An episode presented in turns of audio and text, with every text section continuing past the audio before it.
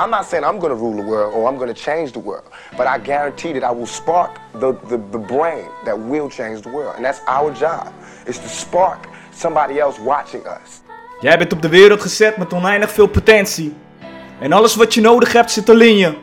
Het enige wat je hoeft te doen, is naar durven kijken. Dit is de Held en de Spiegel podcast. Let's go! Held, heldin, welkom. Ik ben jullie host, Mike. En ik hoop dat alles goed gaat met jullie. Het is maandag, 13 juli. En dat betekent een nieuwe week, een frisse start. Wat ik echt kan waarderen is wanneer ik in mijn, mijn leesstoel zit. Het is een, ehm, een blauwe, best wel grote leesstoel waarbij je zowat met z'n tweeën in kan, eh, kan zitten. En ik voel me dan echt comfortabel dat ik echt de tijd neem om eh, een boek te pakken.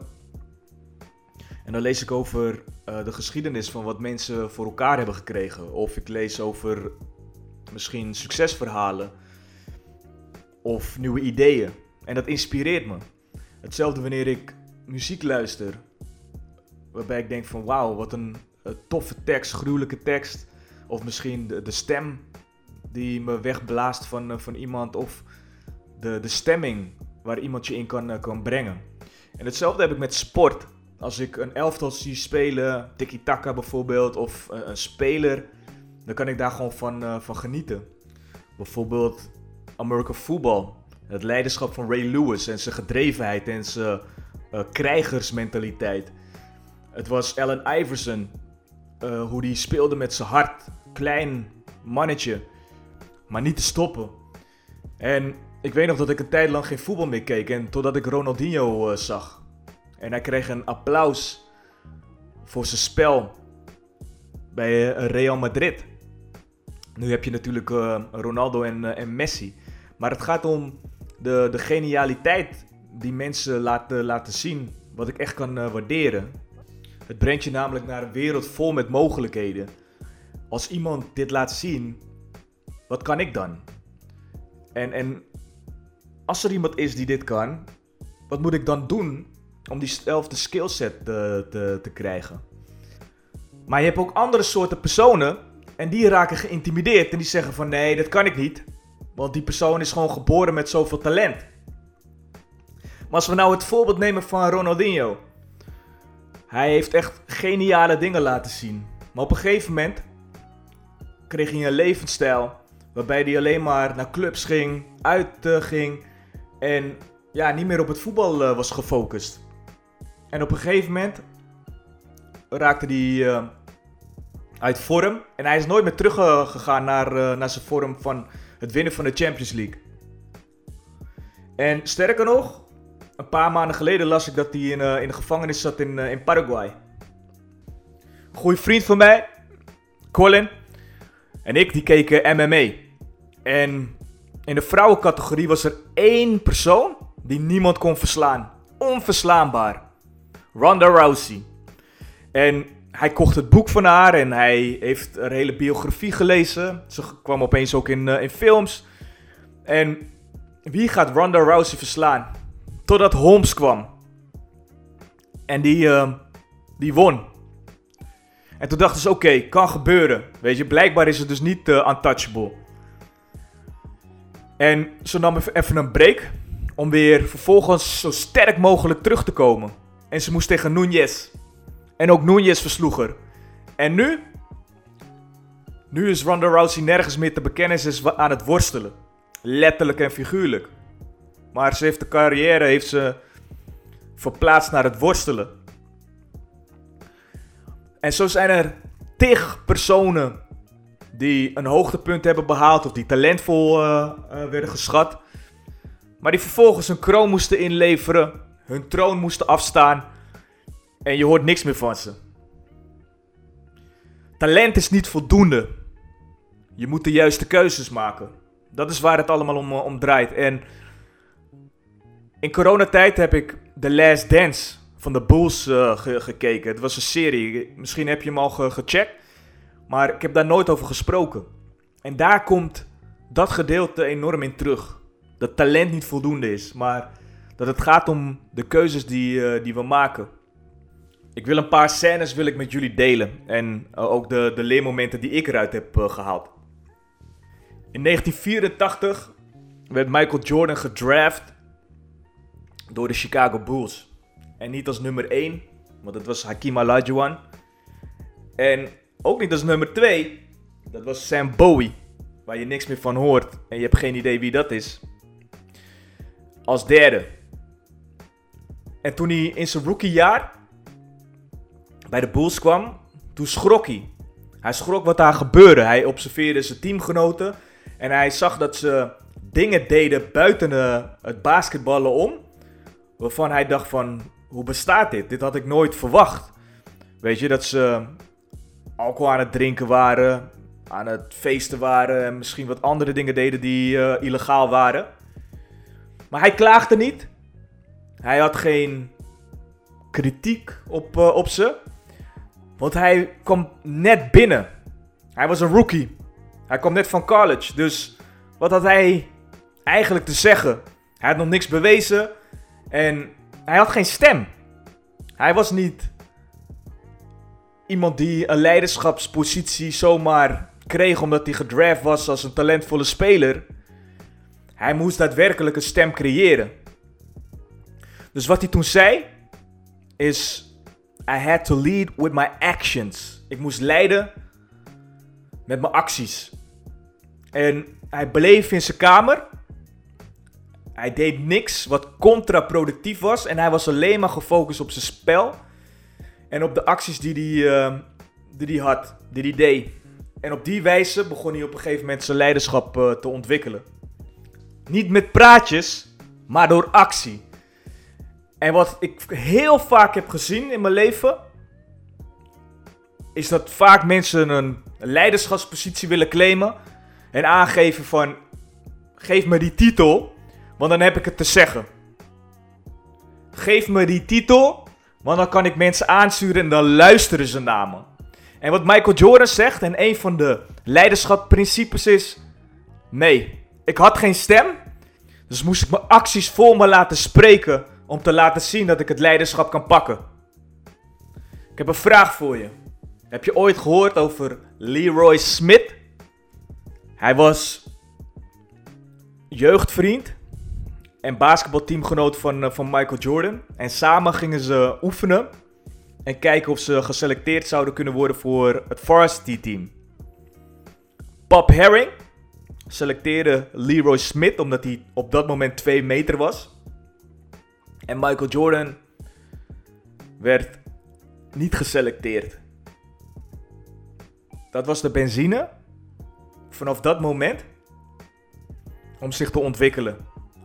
De moeder van Michael Jordan die zei ook: Ik heb hem daarna nooit meer zonder basketbal uh, gezien in zijn handen. Hij ontwikkelde zich op basis van een tegenslag. Hij zette die tegenslag om in kracht. Hoe vaak in je leven heb je te dealen gehad met een tegenslag. Met dingen die je niet leuk vindt. En hoe ga je er dan mee om? Ga je dan in een hoekje zitten? Ga je dan huilen? Of kies je ervoor om daar een leermoment uit te halen en jezelf te verbeteren? Wat doe je? Wat voor persoon, wat voor karakter heb je? En wat ik vanuit Michael Jordan haal, is dat hij een interne motivatie had. Een enorm sterke interne motivatie, maar ook nog een mental toughness die ik bij geen ander atleet heb, uh, heb gezien. Zo sterk uh, was hij. Wat hij vertelde was: ik wed op mezelf. Ik wed op mezelf. Hij vond altijd wel iets om zichzelf uh, te pushen. En hij had een enorme competitieve drive en, en gewoon spirit. Hij zocht altijd wel weer voor benzine. Waarbij hij dacht van oké, dit is mijn doel, dit is mijn missie. En wat ga ik nu weer eh, voor elkaar krijgen? En waar haal ik nu weer benzine vandaan? Hij had geen motivatiegoeroes of inspiratiegoeroes. Het kwam allemaal vanuit een interne drive. Whatever it takes mindset. En de enige competitie die hij had was met zichzelf en met niemand anders. Hij zorgde ervoor dat hij namelijk meer zou oefenen dan een andere persoon, weet je, die ook net zo talentvol was. Hij was altijd was hij de leider. Of hij zorgde ervoor dat hij de leider was. De alfa. En het maakt niet uit hoe goed je bent. Want als je niet oefent, dan kom je vast en zeker iemand tegen in je leven die dit wel doet. En die je vervolgens voorbij streeft. Wat ik zag bij Michael Jordan is dat hij gewoon consistent was. En altijd een voorsprong had op zijn competitie. Die voorsprong, die hield hij vast. En wat ik al zei, hij was de leider. Top 10%, succesvol. Maar hij was super succesvol. Hij hoorde bij die 1%. En bij die 1% dan, dan is er niemand. Je kijkt om je heen en je ziet ook gewoon niemand. Maar om die voorsprong vast te houden, daar heb je andere dingen voor, uh, voor te doen. Mentaal krachtig zijn, maar ook gewoon leiderschap nemen in jezelf. Het beste wat je vandaag doet, laat dat een platform zijn om gewoon op te bouwen, om nog beter te worden. Niet alleen goed zijn en dat blijven zijn, maar zelfs nog beter worden. Voordat Jordan ook ooit maar een eh, kampioenschap had gewonnen, werd de NBA gedomineerd door, eh, door de Pistons. En de Pistons, die hadden echt, waren een verdedigend team, maar ook gewoon een sterk uh, team. Gritty. En deden er alles aan om, om te winnen. Ze hadden een Jordan rule. Alles doen om hem tegen te houden. Het maakt niet uit wat. Dus elke keer verloor hij van, uh, van hun en hadden hun weer een kampioenschap. De Bad Boy Pistons. Op een gegeven moment was er een, een trainer.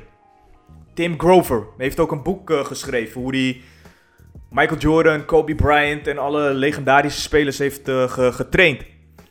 Maar wat Tim Grover deed. Hij had iedereen aangeschreven van, uh, van de Bulls. Elke speler, behalve Michael Jordan. Want hij dacht, Michael Jordan die zal al een trainer hebben. Die zal hem al waarschijnlijk al coachen. Dus ik ga hem niet, niet vragen. En hij kreeg van niemand antwoord. Behalve van Michael Jordan. Jordan wilde met hem trainen. En hij had niet zoveel vertrouwen, omdat hij al eerder wel eens een, um, een personal trainer had gehad. En hij raakte meteen geblesseerd aan zijn rug. Maar Grover, die gaf hem het vertrouwen. En die ging uh, met hem uh, uh, trainen. En die trainingen begonnen soms om 5 uur, 6 uur. Voordat het team daadwerkelijk ging trainen. En Michael Jordan, die noemde het de, de Breakfast Club. En andere teamgenoten, die zagen hoe hij trainde en hoe committed hij eigenlijk was. In het winnen van een, een kampioenschap. Dus hij inspireerde hun om hun training eigenlijk naar een next level te brengen. Hij inspireerde hun om zeg maar diezelfde winnaarsmentaliteit te, te gaan, uh, gaan krijgen. Door hard te trainen. En omdat hun zagen en geïnspireerd raakten, waren ze ook committed om uh, hetzelfde te gaan, uh, gaan doen. En dat is wat, wat leiders doen. Die beïnvloeden het collectief. Om zowel de, de sterke kanten van de mensen om hen heen ja, te ontwikkelen. Maar ook om ergens voor te gaan. Om een visie te creëren waar mensen voor willen, willen gaan. Wat ze alleen niet um, solo kunnen doen. Waar ze echt een team voor nodig hebben. En op het moment dat het echt om teamwerk ging. En Jordan niet alleen maar solo resultaten, maar echt snapte. En begon te begrijpen van oké, ik moet dus een, een team ontwikkelen. En dat naar een ander niveau brengen. Toen wonnen ze kampioenschappen. Het niveau van succes wordt namelijk bepaald door de mensen die het dichtst bij je staan. En Jordan snapte dat. En misschien herken je het wel wanneer je ambitieus bent of je wil ergens goed in, uh, in zijn. Dan wil je daadwerkelijk je leidinggevende of de omgeving wil je laten zien wat je allemaal kan. En dan ben je voornamelijk ben je gefocust op ja, de weg die jij hebt te bewandelen, die jij wil bewandelen, maar dat doe je allemaal alleen. Je doet dat solo. Ik heb genoeg om me heen gezien waarbij ik collega's had die echt voor hun eigen uh, gewin uh, gingen. Die talentvol waren, die echt ook hard aan het werk uh, waren, maar ze deden het alleen maar voor hunzelf. En het valt de omgeving valt het op, het valt het team valt het op. Alleen je zal gezamenlijk, als collectief, zal je nooit verder komen. En als je denkt van, nou ja, het team en mijn collega's zitten niet op mijn level. Maar ik zal geen aandacht daaraan besteden, want ik doe gewoon mijn eigen ding en ik laat zien hoe goed ik ben, dan zal het altijd zal het, het niveau van de rest van de organisatie of van, van het team zal gemiddeld blijven. Want nogmaals, het niveau van succes wordt bepaald door de mensen die het dichtst bij je staan. En als ik dan ga kijken naar de lat van Jordan, die was ontzettend hoog. Zijn standaard voor zichzelf was hoog. Maar ook uh, die van uh, naar, uh, naar anderen toe was, was hoog. Hij wilde gewoon excellentie hebben. In alles wat hij deed. Dus hij was echt gewoon soms ook een bully. En ik, ik praat dat niet goed. Want ik vind die, die stijl vind ik ook niet, niet oké. Maar hij pushte zijn teamgenoten wel naar een, een hoger level. Hij was echt, echt wel een klootzak. Maar het was meer strategisch om ze verder te brengen. En soms ging hij ook gewoon, gewoon te ver. Dus er is altijd een balans. Alleen als je gaat kijken naar de situatie en wat soms teams nodig hebben of mensen om je heen, dan is het niet alleen maar die aardige persoon die je kan, uh, kan zijn. Soms hebben ze een schop onder hun reet nodig van, uh, van een leider. Iemand die daadwerkelijk durft te vertellen hoe het hoort en uh, waar je naartoe moet, moet gaan. Maar ook zelf de acties uitzet en zelf laat zien hoe het moet. Want je kan niet zonder skills, je kan niet zonder dat je het zelf laat zien in acties, verwachten van je teamgenoten dat hun het, uh, dat hun het doen. Dus Jordan was wel een bully, maar hij liet het ook zien met daden. Het juiste voorbeeld. En het niveau. Dus hij nam ze daarin echt, uh, echt mee. En ik denk dat het team nooit die kampioenschap um, had kunnen halen als hij niet zo competitief was geweest en ook um, zijn team pushte naar een, uh, een ander niveau. En hoe hij dat deed, soms ging hij te ver, het hoort niet. Maar hij zocht voor respect en niet voor goedkeuring. En hij was meer aan het leiden dan echt daadwerkelijk aardig gevonden uh, ja, willen worden. En dat is het verschil ook. Soms af en toe heb je mensen, en vooral professionals of, of mensen die weten wat ze willen, die moet je ook vaak pushen. Pushen in uh, hun sterke kanten. Dat ze echt daadwerkelijk alles uit zichzelf halen. Pushen omtrent de waarden die ze, die ze hebben of de keuzes die ze te maken hebben. Om echt geduld te hebben voor mensen is dat wanneer mensen nieuw zijn, wanneer ze ervaring missen of misschien een skillset uh, missen, ja, dan, dan kan je ze niet breken door alleen maar ze te pushen, want dat kan ook afschrikken.